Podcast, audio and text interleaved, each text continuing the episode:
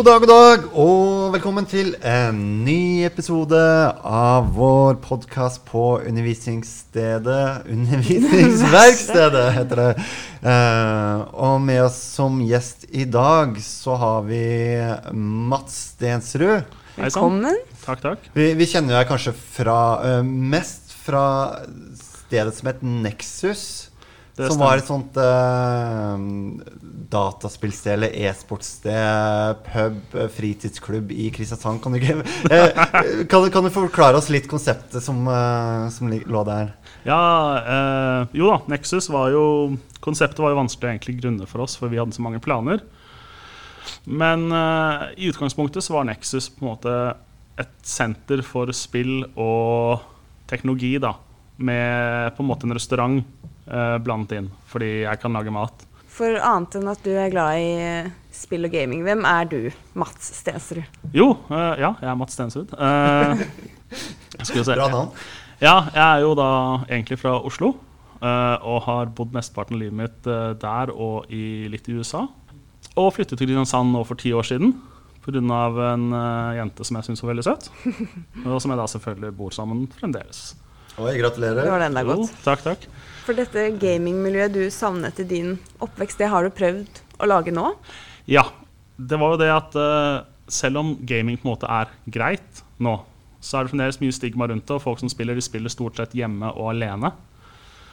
Og det fins en multiplayer over nett og sånt, men det er ikke helt det samme å få bank av kompisen din i tekken, og så ikke kunne snu deg mot han og slå han i armen fordi du blir irritert på han.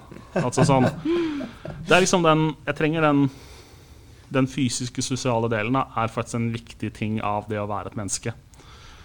Så det var mye av det jeg gjorde, da. Var å få til den, eh, den eh, det samholdet, da, på en måte. Den eh, sosiale biten i virkeligheten. For, for nå må jeg spørre deg, Camilla. For vi er jo en podkast som stort sett snakker om undervisning og måten å bruke digitale løsninger i undervisning osv. Og s- de som stort sett kommer, det er jo forskere eller lærere eller eh, studenter. Hvorfor har vi med oss en eh, spillinteressert kokk her eh, i dag? Spill i undervisning har jo blitt en, en større del av, av kreative undervisningsopplegg, og er jo også ganske viktig for å få frem det kreative ulike elever. Det er veldig mange elever som trenger type ting som gaming og kunne på en måte være fysisk og kreativ og Det, det stemmer veldig. Og det er mange Altså sånn Jeg har jo skrevet litt om dette her, da, og hatt litt om det å gjøre før. Og sett på dette med farene ved å falle ut av skolen og sånne ting. da. Og det er jo ofte en negativ ting med gaming. er jo at man enten slutter å være så mye på skolen, eller slutter å ha interesse for det man gjør på skolen. Um, ofte så prøver man på en måte å limitere dette her da, med å på en måte stoppe spillingen, eller gi dem på en måte regler da, for når de får lov til å spille og sånne ting. Og det er alltid fint med rammer og sånne ting. Men det som er på en måte den største faren da, ved å miste skolegang, særlig i en ung alder, er ikke egentlig det at du mister faglig kompetanse. Fordi når du er ung, så er det viktig å gå på skolen for å lære grunnleggende matte og norsk og alt sammen. Men det viktigste er å gå dit for at du trenger en sosial opplæring. Du trenger å være rundt andre folk som er på din alder. Du trenger å være i et miljø hvor det blir stilt krav til deg, og hvor det er på en måte en organisert form for tilværelse. da. Mm. Og du mener at eh, et eh, internettmiljø eh, ikke kan erstatte det, det fysiske miljøet man får ved å faktisk møte opp på skolen eller på Nexus? Altså, det er jo tingen er jo at du kan få den samme følelsen av anerkjennelse på nettet. Problemet er jo det at eh, nettet er jo ikke fast. Du kan miste internett. Den personen du er venn med på nett, kan forsvinne fra nettet uten at du vet hvorfor, og alt sånt. Og den andre tingen er jo at, også at mennesker har et fysisk behov til å være i nærheten av andre. Og faren med dette her da, er at hvis et barn får all anerkjennelsen sin levert fra et spill, så kommer det barnet til å se etter og få mer anerkjennelse fra det spillet, og blåse mer eller mindre i da hva voksne og andre rundt dem føler. da. Og det er jo ikke rart ikke sant? hvis Fortnite sier Hei, du drepte alle de andre folka i det spillet her. eh, Nå gjorde du kjempebra, stor fanfare og alt sammen. ikke sant? Og så tre sekunder etterpå så blir du skreket på av moren din fordi at du er for sent til middagen. Ikke sant? Mens en eller annen fyr i klassen din da, han har stått over hele middagen fordi at han måtte spille fotball. Og de tapte, men foreldrene er kjempestolte likevel. Ikke sant? Da skaper du, altså Grunnen til at man da er viktig at man viser den støtten ikke sant? for når barn spiller fotball, eller hva som helst, er for å gi dem den følelsen av anerkjennelse, at de blir akseptert i området rundt seg. Og det skjer veldig sjelden da, med barn som spiller. Ofte så blir det mye krig da, rundt det. Og det eneste som skjer da, sant, er jo at de får en negativ opplevelse når de snakker med de voksne. Og så får de enda mer lyst til å spille mer, fordi de da ikke får den negative opplevelsen der. Og det, så, så jeg, jeg syns det er kjempefint å ha online-miljøer og alt sammen. Det er kjempekult. Men vi er mennesker. Vi trenger sosiale ting rundt oss i virkeligheten også. Og vi trenger på en måte fysisk anerkjennelse. Vi trenger at, å møte en annen person og se det med øynene og se at Oi, denne personen syns at det jeg gjør, er kult. Men én ting er jo de sosiale godene man får ut av eh, gaming og spill, men det ligger jo også en del læring i det òg, gjør det ikke det? Det er veldig mye læring eh, og mye annet rart. òg. jeg kan spore av bare litt noen veldig fort før jeg forklarer om læringen, og si at når jeg var liten, da, så var man veldig redd for at barn og unge kom til å få kjempedårlig syn fordi vi brukte så mye tid på TV og spilling og sånn. Men jeg har uh, lest mer om det nå, da, i ettertid. Og de har gjort studier og funnet ut at uh, selv om liksom da å sitte i et mørkt rom og se på en ny skjerm, det er dårlig for øynene dine, så er det å spille i seg selv og, og liksom holde på med det, har faktisk trent opp øynene til den generasjonen på en mye bedre måte enn det de forrige, eh, forrige generasjonen hadde. Så vi klarer å se flere detaljer nå, og klarer å ta inn mer inntrykk da, med bildene våre enn det man, eh, med øynene våre enn det vi kunne før. Rett og slett for at vi ser i høyere frekvens. Vi er mye mer vant til å se etter detaljer og finne forskjellige ting. Da. Så det er jo positivt sånn sett, bare sånn eh, på, på den liksom på den vanlige siden. Men sånn opplæring og sånt, så er det jo mange spill som har ting man kan lære av. Og her har du jo de store tingene sant, som folk alltid visste om, eller lenge har visst om, sånn som Minecraft. er jo et ord som bare folk trigger på med en gang, for det er Lego på PC-en. Men det folk ikke alltid tenker på, er eksempel det at eh, når du miner i Minecraft, da, så kan du mine, kan du mine for eksempel 64 steiner om gangen, og da får du en blokk hvor det står 64 steiner. Og så skal du kanskje ha 500 steiner, da. Ikke sant? Og så ser du inventoryet ditt, så har du 64 steiner. Og så miner du 64 til, så har du to blokker med 64 steiner. Og så har du tre blokker med 64, og så går du opp der da, til du har til sammen 500 steiner. Og det er en mattestykke som den ungen gjør der, da, hvor de vet de skal slutte å mine, det er en brøk. Enkelt og greit, liksom. Og sånn er det i mange av disse spillene her. da. Det er mange ligninger og mange ting som folk ikke tenker på. Sånn som til og med Nå er ikke jeg en stor fan av CS, men hvis du spiller CS, da, for eksempel, ikke sant? CS, hva er det? CS, eller CSGO, da, det er Counter-Strike. Det er et uh, spill hvor du spiller en antiterrorist. Hvor du da løper rundt og skyter terrorister og stopper en bombe. Det er veldig kort fortalt, da.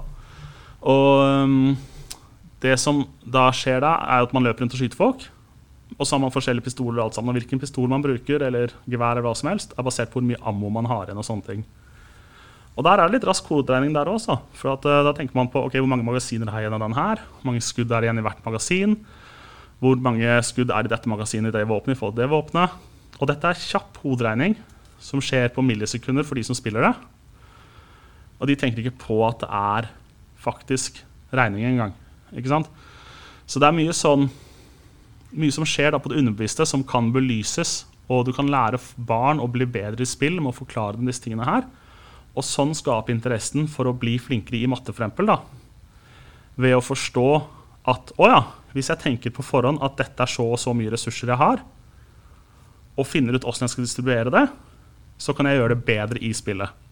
Og med en du kommer dit, da, så har du på en måte fått barnet eller den voksne til å forstå at uh, man kan bli flinkere i den interessen eller den aktiviteten man har, med å tilegne eller bruke ting man har lært på skolen. Da, eller lære på skolen. Jeg kjenner meg så utrolig igjen i det du sier om sånn skjult læring i spill. Jeg husker når jeg gikk på ungdomsskolen. Uh, så var vi, en, vi var en klasse hvor det var veldig mange som var veldig svake i matematikk. Eh, og jeg husker særlig det var to stykker som slet virkelig med å De lå der mellom toeren og treeren og hadde litt sånn De ble spesielt liksom tatt vare på, hadde enklere bøker osv. Og så kom de hjem og så spilte de World of Warcraft, hvor de drev og regna ut uh, nå, nå husker jeg ikke terminologien her, det gjør sikkert du, men hvor man regner ut styrke på slag og, og frekvenser og uh, hva slags kombinasjoner av ulike Uh, magitriks da, man påfører motstanderen for å gi maksimalt utbytte. Dette var ekstremt kompliserte mattestykker som de satt eh, i kjelleren hjemme og løste. Og så kom de på skolen, og så klarte de ikke eh, ganske mye enklere matteoppgaver de, og, og ligninger eh, når de satt på skolebenken. Eh, så, så, her var det en, en kjempe en, en, link da som eh, verken elevene eller mine klassekamerater og lærerne fanga opp i det hele tatt. Jeg vet ikke, Kjenner du deg igjen i det? Ja, nei, det, det, stemmer veldig godt, det. Og tingen som er over Warcraft, da, sånn spesifikt, for jeg har spilt det selv òg, det er at der har du forskjellige abilities som ligger etter hverandre. Og så har man gjerne puttet dem til 1, 2, 3 og 4-tasten på tastaturet. Og så har de en cooldown. Og det man gjør da for å bli best i World of Warcraft, for å være flinkest til å spille, er å finne ut hvilken rekkefølge de må trykkes i, og når de må trykkes. Mm.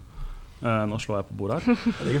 For å liksom da Lydeffekter kaller vi det. Ja, For å maksimalt, få maksimalt utbytte da, av de evnene. ikke sant? Så for eksempel, ok, Jeg kan bruke den her hvert tiende sekund, jeg kan bruke den her hvert femte sekund, jeg kan bruke den her annethvert sekund. Så jeg blir trykke på den tre ganger, og så blir det trykk på den én gang, trykke på den tre ganger, den én gang, den én gang, den tre ganger, den én Og der har du jo allerede et veldig komplisert mattestykke som man løser inn i hodet sitt kjempefort fordi at uh, man har den interessen. Så det er akkurat det du sier. ikke sant? Det er den derre alle kan lære matte, og alle kan lære alle disse tingene her. Det handler egentlig bare om å finne ut hvorfor man skal lære det.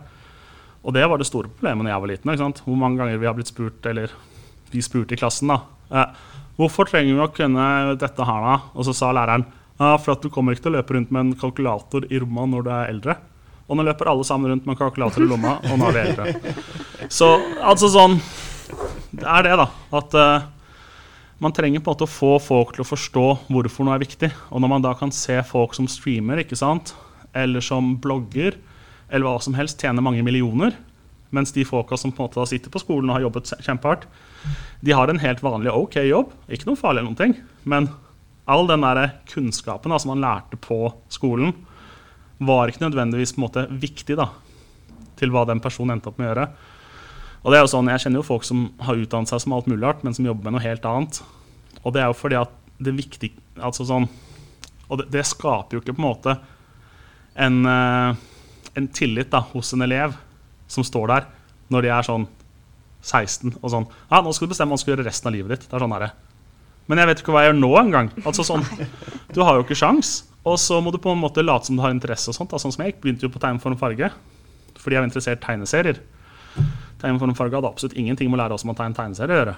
Det var å lære design for uh, reklamebyråer og sånt. Og innen jeg var ferdig med tegneformfarge, så hadde alt programvare og alt sammen flyttet seg fra der hvor jeg var. Ja, herlig. Og det var jo kjipt. Um, og det er jo også et stort problem med alt som har med spill og alt samt å gjøre, er jo at med den veien teknologi går nå, da, så er det ekstremt viktig at lærere og voksne og alt sammen da, er oppdatert og vet hvilke spill som er med, hvilke programmer som er viktige, hvilke ting du må kunne i virkeligheten. Men så får du ikke noe ekstra tid til å lære dette her. Altså sånn Når du er lærer, så får du nytt, mer pensum hvert år, større klasser og mindre tid til å gjøre alt sammen. For det er sikkert mange lærere som sitter der ute og syns at det høres kjempespennende ut og interessant med spillundervisning, men så vet ikke helt hvordan de skal ta fatt i det. Det er nettopp det. ikke sant? Og jeg, merker, jeg har jo holdt kurs på skoler da, hvor jeg har hatt undervisningstimer eller undervisningsdager med koding for barn og, og lignende. Da, hvor jeg har fortalt liksom da om, om, spillutvikling og hvilke ting man kan dra ut av spill for, for, videregående skoleelever. For å få dem til å forstå da, hvordan man kan ta de interessene man har der, og velge en utdanning videre og finne ut hvor man skal i livet. ikke sant? Og lærerne der er jo helt med. ikke sant? De syns det er kjempekult, og de syns det er veldig gøy. Men de snakker jo også da mye om limitasjonene som er med økonomi i skolesystemet, og med tid og alt det der, da. Altså Tekniske løsninger og innkjøpsavtaler er jo et mareritt så fort du trer inn i en skole. Altså, ja. Vi som bare har prøvd å få Civilization på en iPad her, vi har jo nesten ubegrensa budsjett her, men, men det å få den programvaren på den PC-en, som er låst i alle mulige sikkerhetsventiler, er et mareritt. Ja, nei, jeg, jeg, har jo holdt uh, e-sportsdelen til noe mm. som heter uh, Norway Summer Games. Mm. Som blir holdt på KKG hvert år. Ikke i år, da, selvfølgelig, pga. korona. Men, men, til vanlig så har vi det. Og da er jeg med der. Og da prøver vi på en måte å fremme e-sport og, og trigge disse folkene som på en måte er med på Summer Games, som da egentlig er en sportsbegivenhet hvor de holder på med håndball og svømming og fotball og alt sammen. Og så har vi liksom da den e-sportsbiten ved siden av for å tilby noe til de som ikke nødvendigvis er så interessert i det. Og for å da blande disse to gruppene. ikke sant? Fordi at det, det vi fant ut der, da, blant annet, er jo at folk som liker konkurranse, de liker konkurranse uansett planet. ikke sant? Så folk som syns det er kjempegøy å svømme om kapp, de syns Mario Kart er dritkult så lenge de kan vinne. ikke sant? Det er det som trigger dem. Det er ikke nødvendigvis aktiviteten. Selvfølgelig så er det noen aktiviteter som er morsomme enn andre. Men det som på en måte får lys i øynene deres, det som får dem til å heie og bli helt gærne, det er liksom å være flink og vise at man kan og bli bedre. ikke sant? Og det gjør vi jo da på KKG. Men uh, For du har et ganske bra spørsmål i stad, Mathias, angående hjemme at man snakker om e-sport som en idrett. Ja, eh, eh, for dette med e-sport, ikke sant? det er jo noe som jeg prøver å holde meg lengst mulig unna. Og det handler om at jeg er forferdelig dårlig i det. Ja. Så fort jeg logger meg på en eller annen server og skal prøve å spille Fifa eller eh, Counter-Strike eller hva det skal være, så ble jeg knust. Så, så jeg har funnet ut eh, i 20-årene mine at eh, jeg holder meg til de spillene hvor jeg kun spiller med meg selv. Men, men e-sport er jo noe annet, for der er jo konkurranse eh, elever eller spillere imellom. Eh, og jeg har alltid liksom lurt på det her med Kan man bruke e-sport i undervisning? For vi hadde jo Vi, vi spilte jo fotball i gymmen når jeg gikk på skole. Eh, og vi hadde jo masse konkurranser hele tiden. Men jeg har aldri opplevd at vi satte oss ned og uh, spilte PC-spill eller TV-spill mot hverandre uh, som en slags konkurranse. Er, har det noe verdi å ta med inn i skolen? Altså fordi Vi har jo snakket mye om at vi kan bruke det som en slags fritidsaktivitet, og at det er gøy. Men kan det være Har det en plass i selve skoletimene å holde på med dette? Kunne man f.eks. spilt CSGO eller Fifa i gymtimene? Ja, altså sånn, Mye av grunnen til at man har gym, er jo egentlig for at eh, skolen har en, eh, har en plan å, opp, å holde seg til, hvor det da står noe om at barn skal holdes i fysisk aktivitet og slike ting. da. Og da er jo vanskelig å lage et argument for e-sport, fordi at eh, e-sport gir deg ikke noe særlig fysisk aktivitet. sånn sett. Men de har jo toppidrettslinjer eh, rundt omkring. Begynner å få noe for e-sport. Ja, og det som er den andre siden her, da, at selv om aktiviteten e-sport i seg selv ikke gjør deg på en måte i bedre form, da, så er, hvis du ser på de folk som spiller e-sport aktivt, og som er sterke utøvere, så er ikke det folk som ser nødvendigvis så veldig ut som meg. Jeg er jo ganske overvektig og litt sånn dvass. Uh, er, sånn, sånn er det bare. ikke sant? Og det er mye pga. at jeg har jobbet en god del mer enn det jeg har tenkt på uh, matvaner og sånt. Men eh, de fleste utøvere i e-sport og, sånt, og som er med på lag, og sånne ting, er i toppform og trener hele dagen. eh, Sånn fysisk trening liksom, fordi at mye av det som ligger bak å være flink i spill, er å være våken. Det er å være på en måte å ha altså sånn som for eksempel Hvis du har veldig mye fett i blodet ditt, da, så blir du sløvere i virkeligheten. Og da blir du også sløvere i spillet. Så folk som eh, spiller e-sport, de trener veldig hardt. Og jeg tenkte da at Hvis du for hadde hatt da, i en del av gymmen at man spilte e-sport, men at man også forklarte da hvorfor det er viktig å holde seg i form og gjøre det sine side av, så kunne det vært en lærerik opplevelse. Og igjen så kommer vi da tilbake til å forklare for barn og unge på deres arena hvorfor det er smart å gjøre de tingene de burde gjøre. ikke sant? Så det er ikke sånn derre Nei, hold deg, hold, sant? hold deg i god form fordi du skal se tynn ut, eller hold deg i god form for at andre skal like deg. Ikke sant? Og sånn som folk som spiller fotball, de vil jo holde seg i god form fordi at de vil spille fotball. Så hvis du sier til dem at nei, altså, du kan, vi skal ha for en Fortnite-turnering, men et krav for å være med på Fortnite-turneringen er at du er med på disse aktivitetene her også. Og så forklarer du at det er fordi at vi trenger at de folka som er med, de viser initiativet, de viser viljen til å være flinke, og de viser viljen til å gjøre samarbeidet. Og hvis du, hvis du vinkler det derfra, da, så er det veldig sunt. Men det er jo det jeg sier, sant, at eh, spill og alt sånt det er akkurat som alle andre aktiviteter. Det kan innlemmes i disse tingene, men du er nødt til å finne på rammene rundt først. Rammene rundt er et eh, nøkkelord her. Ja. Altså, hva, hva legger du i det? Nei, altså sånn um, Så det er et ordtak der hvor man sier at forskjellen på en måte å gjøre å bare tulle rundt og holde på med forskning, det er at du skriver ned resultatene. Og det er det samme her. da, ikke sant? At uh, Alt som skal til for at du f.eks. gjør Fortnite, altså en Fortnite-kveld, til en treningssesjon eller til noe som man lærer noe av, er å belyse og skrive ned de forskjellige tingene som man oppnår i spillet, og forklare hvorfor de skjer. Og snakke med barna om ja, nei, hvorfor gjorde du det nå? Hva, hva? Hvorfor løper han fyren den veien og den fyren den veien mens du løper framover? Hvorfor burde du ikke løpe alle sammen? Og da kommer barna for til å forklare at ja, hvis vi løper sammen i en klump, så er det mye lettere å treffe oss med skudd. Så Derfor sprer vi oss sånn. Og så spør du hvorfor sprer du deg sånn. Sånn. For Hvis man sprer seg sånn, så løper man på en diagonal linje, og da er det vanskelig å treffe meg fra den vinkelen. Og så begynner barna å si vinkler, mens du står der og bare Jeg trodde dette var et skytespill. Ikke sant? Så det er det. Man må, man må klare å identifisere disse punktene hvor barna allerede forstår og allerede kan mye.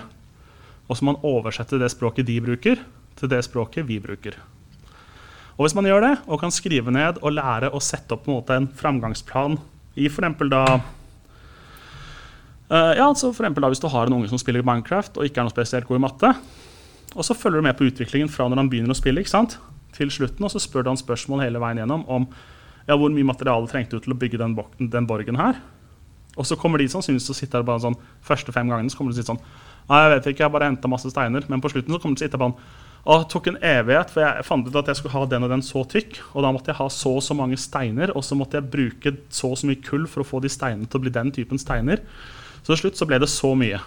Og grunnen til at de da har kommet fram til et nøyaktig tall, er for det har blitt en såpass stor oppgave for dem at de har satt seg ned selv og begynt å tenke på hvordan man praktisk skal gjøre det. da. Og det som du kan gjøre da som lærer eller underviser, er å på en måte instigere disse små punktene. ikke sant? Så komme inn på Minecraft av og til og bare jeg ser du skal bygge en sånn, Har du tenkt på hvor mye det kommer til å koste? Og, sånt, og så kan du si for eksempel, skal jeg hjelpe dem med å samle dem, for jeg tror vi trenger i hvert fall så mye. Og så kan du utfordre dem litt på å se om de kanskje da sier ah, nei, vi trenger så mye istedenfor. Og sånne ting.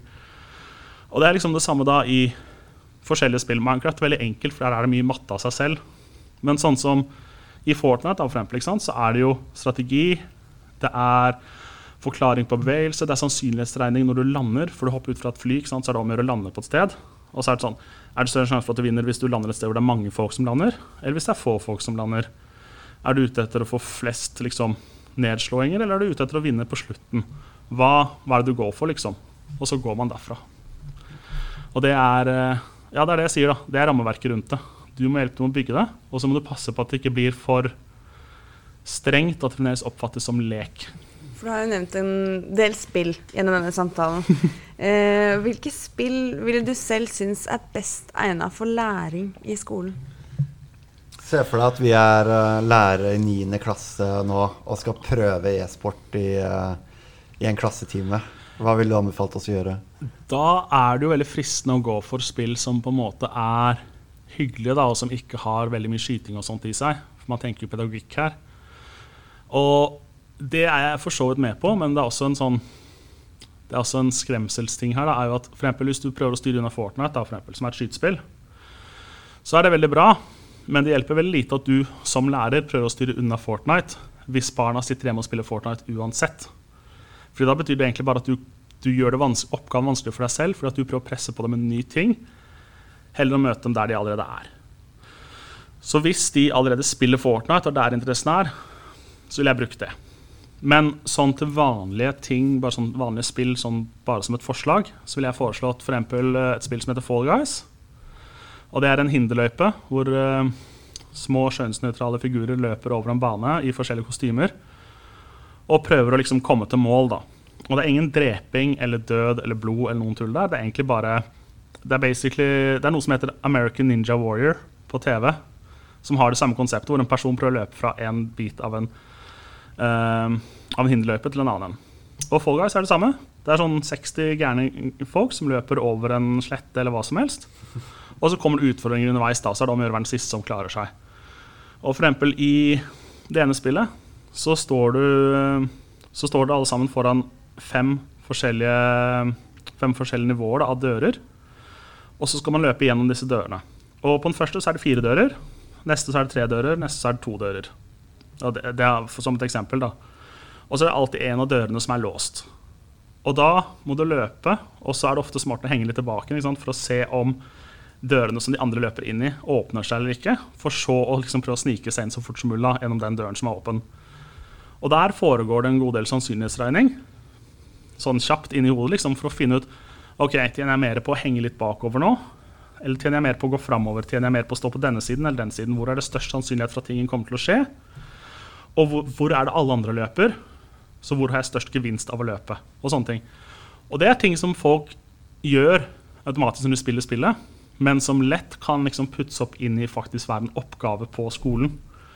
Som man først da enten har som en tekstoppgave, eller gjør som en faktisk praktisk oppgave. Hvor f.eks. fem stykker prøver å gjøre det spillet samtidig. Og så ser man hvem som vinner. Og så tar man korrelasjonen på det ut fra hvilke utregninger de gjorde først. Og selv om de utregningene da er feil kanskje etterpå, så har de fremdeles gått gjennom en ordentlig forskningsprosess på det, og der er lærdommen du er ute etter. Og det er bare Fall Guys, men så har du jo spill som eh, Mario Kart, som er et bilspill hvor man kan skyte hverandre med sopper og sånt og spiller som Mario. Og det er på en måte en veldig grei konkurransespill. da. Og det som er unikt, eller det som er bra da med Mario Kart, er at det er veldig sjansebestilt for at hvilke ting du plukker opp og kan kaste på andre folk, det er opp til, uh, opp til spillet. Så selv med de som ikke er nødvendigvis så veldig flinke til å kjøre bilspill, kan fremdeles være konkurrenter da, og ha en sjanse til å vinne i det. Og der, liksom, der er det forskjellige ting da, som gjør, gjør, det mer eller mindre sannsynlig å vinne. Men det er et stort sjansespill også. Og det er liksom en sånn fint sånt avbrekk da, for andre ting. Og så har du jo eh, ja, altså sånn nevner, uh, Sorry, det var ikke meningen å avbryte deg. Men du nevner dette med avbrekk. Jeg tror det også er et sånt viktig stikkord her. At, at spill kan også være et um, Det kan være et avbrekk fordi skoledagen er voldsomt lang. Uh, og mye lengre for elevene enn det er for oss lærere. For at de går fra norsktime til mattetime til engelsktime. Hvor Uh, undervisningsformen er ganske lik. Mm. Uansett hvor det går hen, så er det mye uh, sitte og jobbe med oppgaver, sitte og høre på en lærer. Uh, det er mye av de samme undervisningsmetodene man møter fra første klasse og til man er ferdig på 13, altså tredje året på videregående. Og det å kunne liksom stykke opp dagen lite grann med noe som er gøy, spennende, som krever hjernekapasitet og som får fram konkurransegnisten i deg, kan være en refresher i skoledagen. Selv om nødvendigvis ikke eh, den kunnskapsbiten er sånn ekstrem, da. Nei, altså sånn, Der har du helt rett. Og det man ofte glemmer som voksne, er at når man er et barn, så er det ikke bare det at de må gjennom alle timene. Det er også det at når du er et barn, så er din oppfattelse av tid veldig annerledes. En dag som voksen kan føle Altså, den forsvinner jo bare. Men et barn altså når jeg var liten, så jeg husker hele dager fra jeg var liten. For at det, hele den dagen var liksom en såpass stor periode, på en måte.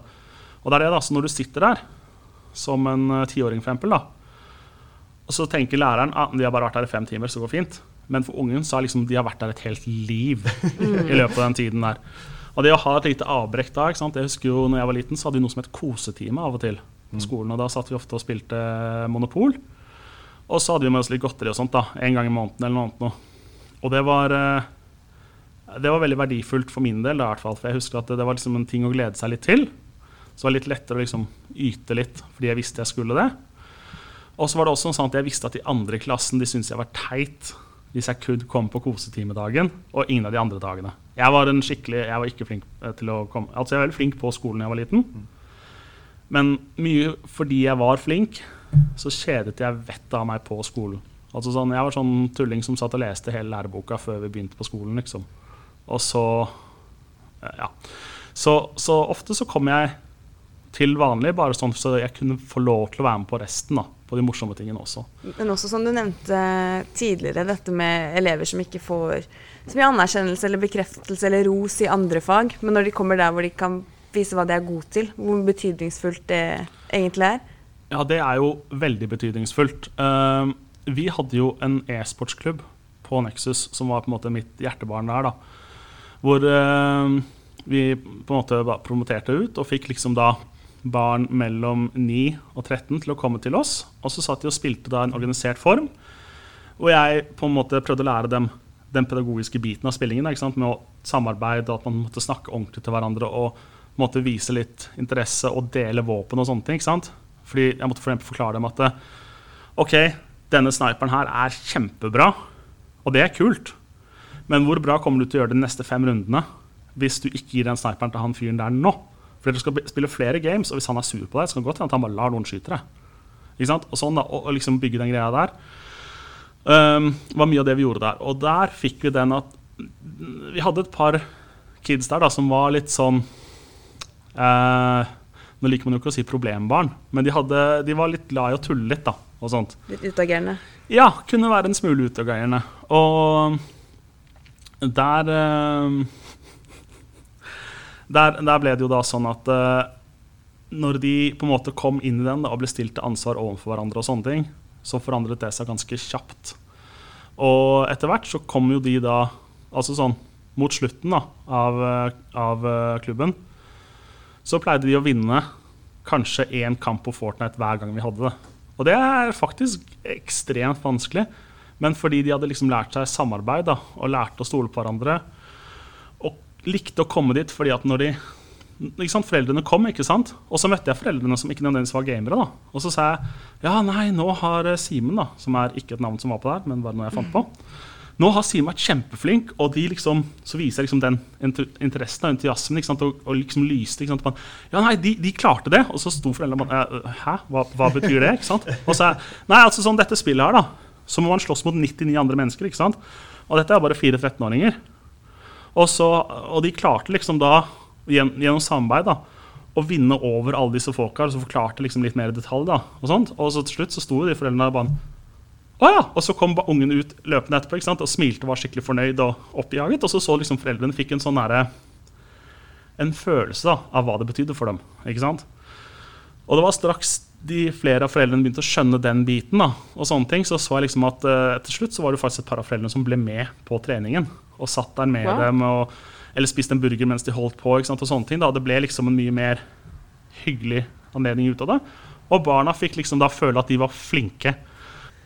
Jeg merker jo med meg selv Dette her kunne du snakket veldig mye lenger om. Men jeg merker jo at nå begynner tiden faktisk å løpe litt fra oss her. Vi har gjort opptak av den lengste podkasten vi har gjort uh, så langt. Uh, egentlig mest lyst til å si Tusen takk for at du kom, Mats. Jeg håper vi ser ansiktet ditt igjen. Ja, Veldig spennende å høre. Bare hyggelig. Jeg kommer gjerne tilbake igjen. Ja. Du må lære oss litt mer om eh, spillundervisning òg. Ta et lite kurs. Jeg gjør gjerne det. Og du må gjerne komme inn på onsdag, for da skal vi spille her og spise litt pizza og kose oss. Ja, jeg skal... Så da er du invitert. Jeg skal prøve å komme innom.